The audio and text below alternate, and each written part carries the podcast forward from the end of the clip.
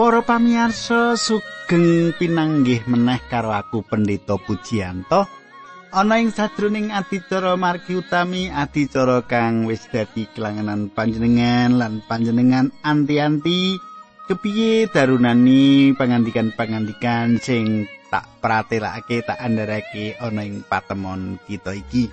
Kepiye kabare panjenengan apa apik-apik kabeh diberkahi Gusti?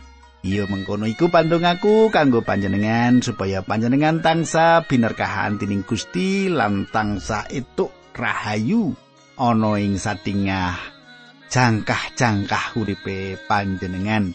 Sugeng midhangetake ati cara iki.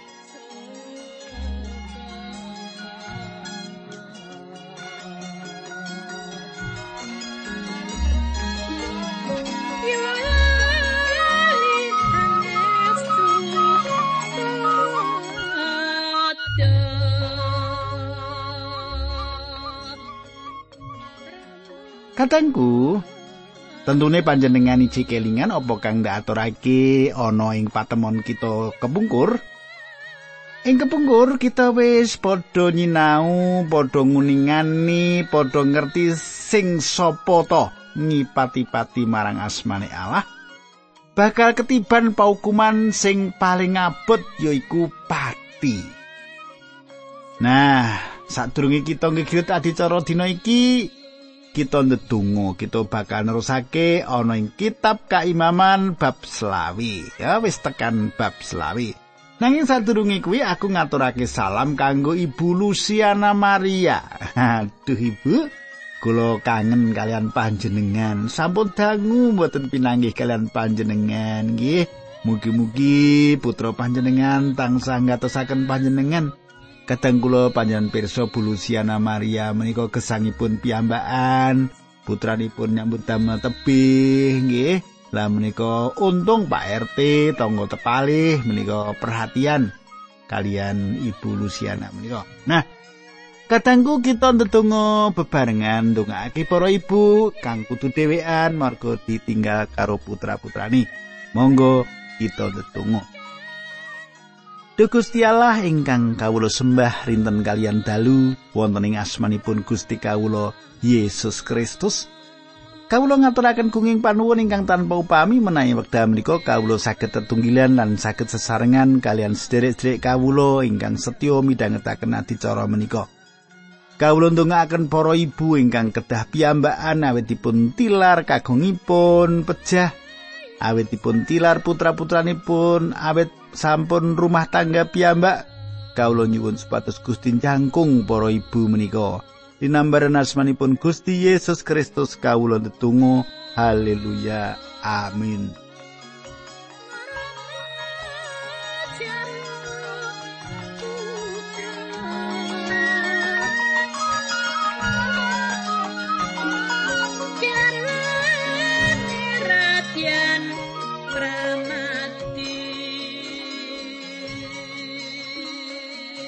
Pamiarsa, ayo kita wiwiti nggon kita nyinau kitab kaimaman. Kanthi mlebu ana ing pasal selawe utawa bab selawe, saiki diwiwiti ing ayat siji lan loro. Diwiwiti ayat siji lan loro mangkene surasani.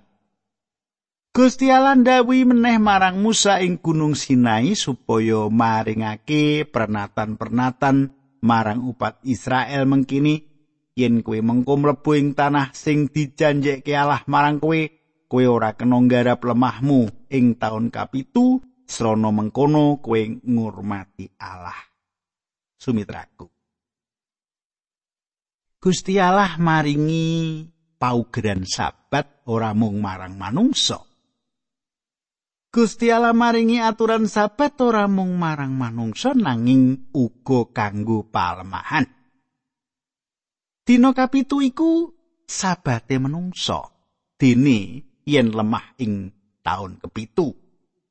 Nek dina kepitu iku sabate manungsa manungsa reto nyambut gawe apa-apa kabeh kudu manembah karo Gusti Allah dene yen lemah. Yen lemah iku taun kepitu dina sabat kanggo kita manungsa ngilingake marang kita nalika wektu panciptaan. Ing wektu panciptaan. Sawise tuntas nggone Allah makarya, sawise rampung nggone Allah makarya, Gusti Allah banjur ing dina kapitu mandeg ngaso ing dina sabat. Saiki coba menawa kita maca layang Ibrani papat ayat 9 nganti 11. Ibrani papat ayat 9 nganti 11 mengkini surasani. Nanging kaya anane saiki isih ana meneh parareman kanggo umat Allah, padha kaya nggone Gusti Allah kendel makarya ana ing dina kapitu mau. Sapa sing keparang mlebu ana ing pararemane Allah, wong kuwi bakal ngasuga saka pegaweane dhewe, padha kaya Gusti Allah nggone kendel saka pakaryane piyambak. Mulane ayo kita padha mudidaya sakatoke mlebu ana ing pararemane Allah. Aja ana panunggalan kita sing balela kaya wong-wong dek biyen temah padha ora kepareng mlebu. Kadangku kang dak tresnani dina palareman ing ayat-ayat iki ana maksud kersane Allah. Supaya dina mau diuri-uri supaya dina mau dilakoni supaya dina mau dihormati angger-angger sabat iki ngula wentah bangsa Israel supaya ora duweni watek serakah lan ngangah-angah. Iku wae bangsa Israel ora bisa netepi sabat ing taun sing kaping pitung puluh ing ngunderani patang atau sangang puluh tahun. Mula bangsa Israel banjur keparingan paukuman pitung puluh tahun lawase ana ing tanah pambuangan. Saiki diteruske ayat telu nganti papat. kaimaman bab selawi. Sakjroning 6 taun kowe kudu nanduri lemahmu, magasi wit anggurmu lan nglumpukake panenmu. Nanging taun kepitu kuwi konjuk marang Allah mulane ing taun mau lemahmu kudu kok jarake wae, pategalanmu aja kok tanduri lan kebon anggurmu aja kok pagasi. Kadangku, taun sabat pancen ana gegayutane sing ora bisa kapisah karo bab ngolah lemah. Saiki ayat 5, 6, itu. Tekan gandum sing tukul dhewe aja kok neni lan wiwit anggurmu sing ora kok pagasi uga aja kok undhuh. Ing taun kuwi lemahmu karepen ngaso.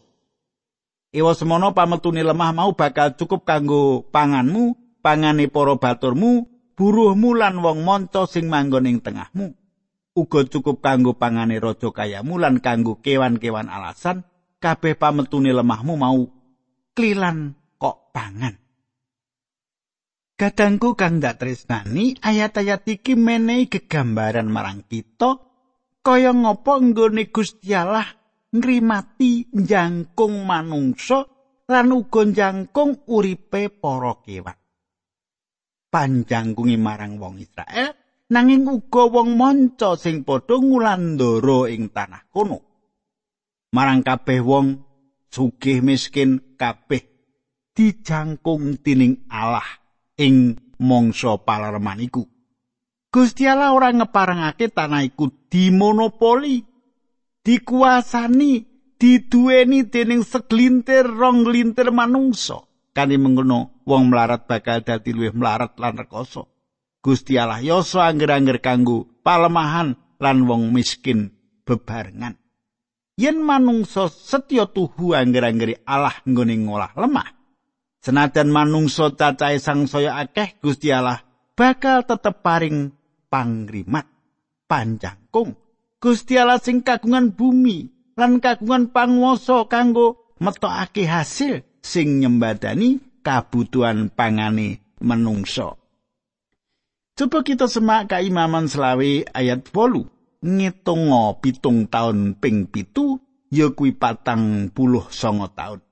Kadangku pitung taun sabat iku patang puluh songo taun. Bener ya? Nulis setahun ing ngarepe dadi taun sing kaping seket lan kaping seket iki disebut taun yobel. Saabad rong taun yobel. Taun yobel kaping pindho ing saben abad saiki kaimaman selawe ayat songo nganti sepuluh tanggal 10 sasi pitu kuwi dina pangruwating dosa.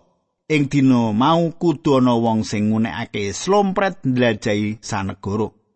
Mengkono unggonmu kudu nucake taun sing kaping seket lan ngundangake pangluaran marang wong sanegara kabeh ing taun mau sakai barang darbi sing wis didol kudu dibalekke marang sing duwe wong sing wis didol dadi batur tukon kudu dibalekke marang keluargane meneh Kadangku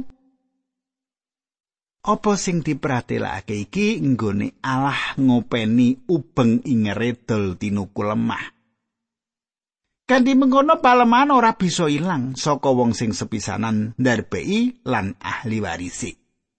Yen slompret diunekake kabeh batur tukon padha dadi wong merdika, kabeh sing iket karo para jura gane wis pedhot ing dina iku. Dadi wong bebas, wong merdeka, kaya dene Injil sing merdekake manungsa saka dosane. taun yobel merdikake wong sing ora duweni kamardikan pribadi wiwit dina iku dadi wong sing merdika layang-layang gaden uga ora dianggep meneh kabeh sing duweni barang gaden bisa nampa bali duweke meneh saiki kaimaman selawe ayat 11 nganti ayat sing sing akeh iki 24 ya Jenengan gatekke apa sing dadi pangandikane Gusti tak wiwiti ayat 11 kaimaman bab selawe. Lemahmu aja kok tanduri lan gandum sing tukul dhewe aja kok neni lan aja ngunduh wah anggur saka kebun anggurmu sing ora kok pagasi. Mergo taun kuwi taun Yobel sing kudu kok sucikake. Pametune tetukulan sing tuwuh dhewe ing palemahanmu kuwi tok sing kena kok pangan. yen kowe ngedol paleman utawa tuku saka pepadamu aja nganti gawe pitunane padha sedulur regane lemah mau kudu ditetepake miturut cacahing taun oleh bakal panen tekan taun yobel candai sing didol utawa dituku mau cacahe panenan mulane regane lemah mau undha usuk manut cacahe panenan sadurunge taun yobel candai kowe aja mlithuk sedulurmu padha bangsa nanging wedi marang Allahmu padha netepono angger-angger lan dawi Allah supaya uripmu tentrem ana ing tanah kini. Pametune tanah iki bakal cukup kok pangan nganti warek lan kowe bisa manggon ing kono kelawan tentrem. Yen ana wong takon apa sing bakal ndak pangan ing taun kepitu yen ora kena nyebar lan ora kena ngeneni palemanku ing taun sing kalem Gusti Allah bakal berkahi palemahanmu nganti pametune cukup kok pangan rong taun. Malah yen kowe nggarap lemahmu ing taun kewolu panenanmu sing biyen durung tek kok pangan isih cukup kok pangan nganti tekani panenan taun kawolu. Kowe ora kena ngedol lemahmu, sing kena kok dol mung wewenangmu, marga lemah kuwi dadi duwekmu nanging kagungane Allah. Dene kowe ibarate kaya wong manca sing oleh wewenang garap lemah mau. Kadangku ayat-ayat iki duwo kanggo duweni paleman sing ombo. Banget mongko sing liyane ora duweni sak pecak-pecak. Ayat iki uga jaga Israel saka pilihan komunisme apa liberalisme. Gusti Allah wis kagungan aturan sing utama kanthi adil kabeh manungsa bisa ngrasakake berkah Allah. Saiki ayat selawe nganti pitulikur. Yen ana wong Israel sing mergo saka mlarate kepeksa ngedol lemai, sanak sedulur sing cedhak dhewe wajib nebus lemah mau. Yen wong mau ora duwe sanak sedulur sing bisa nebus lemah kuwi, bisa uga wong mau besok yen wis kuat kuwagang nebus dhewe. Akeh sedhithike tebusan gumantung saka cacahe taun panenan nganti tekani taun Yobel. Ing taun Yobel, lemah mau wajib dibalekake marang sing duwe biyen. Katangku Gusti Allah wis sosok anger-anger kanggo njogo antarane pasedian lan pamulihan. Iki kadidene hukum kekerabatane juru wilujeng sing bakal bisa disemak mengko ing buku Rut. Saiki kaimaman selawe ayat 12 nganti ayat 34. Nanging yen sing ngedol lemah mau ora duwe duit, kanggo nebus lemah mau tetep dadi wewenange sing tuku nganti tekane taun Yobel. ing taun kuwi lemah mau bakal bali dadi duweke sing ngedol biyen. Omahing jeron kutha sing dipageri tembok mupeng yen didol kena ditebus sakjroning taun sawise dol tinuku mau. Yen sajroning wektu kuwi ora ditebus, wewenange nebus omah mau ilang. Omah kuwi saterusé dadi wewenange sing tuku turun temurun ing taun Yobel omah mau ora dibalekake marang sing duwe biyen. Omah ing desa sing ora dipageri tembok mubeng yen didol pernatane padha karo lemah pategalan. Ya kuwi sing ngedol wenang nebus omah mau lan ing taun Yobel omah mau kudu dibalekake marang sing duwe. Nanging wong Lewi selawase wenang nebus omahe ing jron kutha sing ditetepake dadi padunungane. Ewadene yen wong Lewi sing ngedol omahe ing jero kutha mau ora nebus, omah mau ing taun Yobel kudu dibalekake marang dheweke. Merga omahe wong Lewi sing ana ing jero kutha kuwi duweke wong Lewi ing antaraning umat Israel sing ora kena diowah-owah. Ayat 34 Ora-ora minangka panggonan sing ana ing kiwa tengene kutha-kuthane wong Lewi babar pisan ora kena didol kuwi duweke wong Lewi ing selawas-lawase. Kadangku hukum sing ngatur papan panggonan lan wewangunan sing duweni uga ana. Susute barang darbe uga dadi tetimbangan. Nanging kanggo taler lewi iki entuk kawigatan sing utama, sing mirunggan. Ayat 35 nganti 37. Yen ing panggonanmu ana sedulurmu wong Israel sing ora duwe nganti ora bisa madeg dhewe, kudu kok sokong padha akeh karo yen kowe ngopahi buruh harian. Kaya mengkono patrape nggon mengukup sedulurmu. Kowe aja njaluk anakan duit sing kok utangake marang sedulurmu sing keserakat mau. Kowe wedi marang Allah karepen sedulurmu mau lestari Kadangku kang ndak tresnani Gusti Allah banget anggone ngatekake wong sing sengsara lan sing perlu pitulungan. ora kena malah nyangsarake wong miskin lan golek untunge dhewe ngono kuwi ora kena ana aturane kepiye ngopeni wong-wong sing rekoso ngopeni wong-wong sing kesrakat wongene Gusti Allah wis duwe kawigaten mligi kanggo wong-wong sing kesrakat ngene iki ana ayat 35 mau mratilake kudu kok sokong. Apa mau? Kudu kok sokong. Nah, katangku saiki ayat 38 nganti ayat sing kaping 50. Mangkene surasani.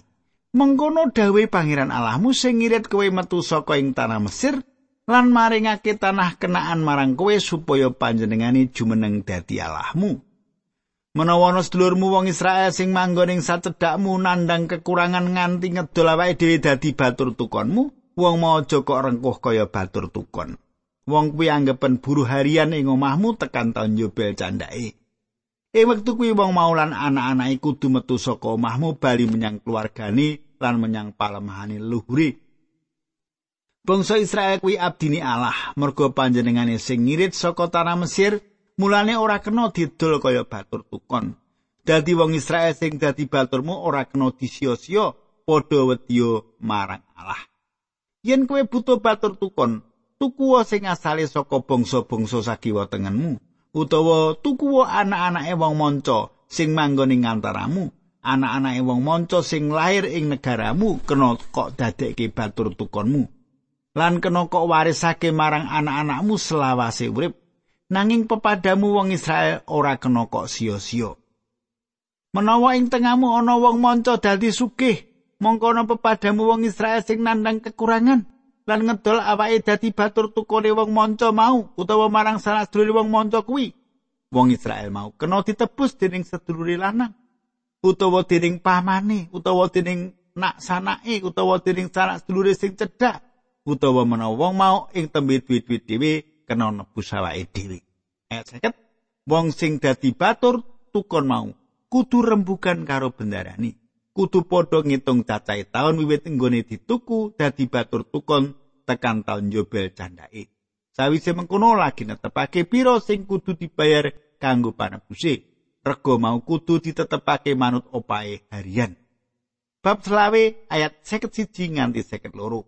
wong sing dadi batur tukon kudu mbalekake sak perangane dhuwit patukon manut cacahe taun tekan taun Yobel candake ayat 53 nganti 55 Dadi kaya buruh sing dibayar dening bendarane ora kena disia-sia. Menawa ora ana patrap liyane kanggo ngluwari batur tukon mau, dheweke lan anak-anake kudu diluwari ing taun Yobel candhake. Wong Israel ora kena dadi batur tukon selawase urip merga bangsa kuwi abdini Allah. Allah piyambak sing ngirit bangsa mau metu saka ing tanah Mesir, panjenengane kuwi pangeran Allah. Katengku kang dak tresnani panjenengan lan aku isih nduweni sesambungan kerabat karo Sang Juru Wilujeng yaiku Gusti Yesus Kristus. Senajan panjenengane sugih sing ora bisa kaukur nanging lilo legawa dadi miskin dalaran mbuti daya kawilujengan kanggo kita. Panjenengane netesake rai sing banget ajine kanggo nebus dosa-dosa kita. ora mung kita sing ditebus nanging wis mbayar lunas atas rusak ing bumi. Nah katangku kang ndak tresnani. Kaya ngopo gemete Gusti Allah anggone ngatekake marang wong-wong kang dadi pilihani. Wong Israel sing ngantek keserakat, sing ngantek adol awake dadi batur tukon. Kuwi pepadani sing isih ana gagayutan sedulure nak sanak kudu nebus dhewe yen pancen sedulur mau ora bisa nebus awake. Nah kantangku ing jaman saiki menawa panjenengan ningali kahanan sakiwa tengen panjenengan.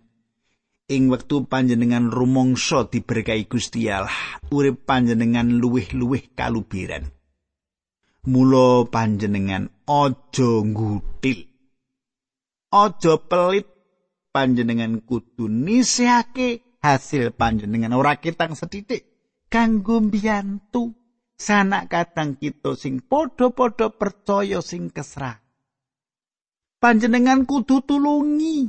Panjenengan kudu ngumpulake kanca-kanca. Ayo co ditulungi. Wong iki padha-padha warga gereja kok uripe rekoso timen. Ayo dibantu. Dilatih supaya bisa merantasi dhewe. Kasrakate kuwi mau. Nah kataku apa gereja panjenengan menggalihake kanggo sedherek-sedherek kita sing nembe kesrakat iki. Tak pikir pangandikane Gusti kuwi cocok kanggone kita wong sing kumandel karo Gusti Yesus Kristus. Duwe panggraita kang landhep kanggo wong-wong sing butuh pitulungan. Nah kadangku apa sing ndaturake iki pandungaku dadi sangu panjenengan minangka jejere wong sing percaya karo Gusti Yesus Kristus. Saiki ayo kita ndedonga bebarengan. Duh Kanjeng Rama ing swarga kawula ngaturaken gunging panuwun.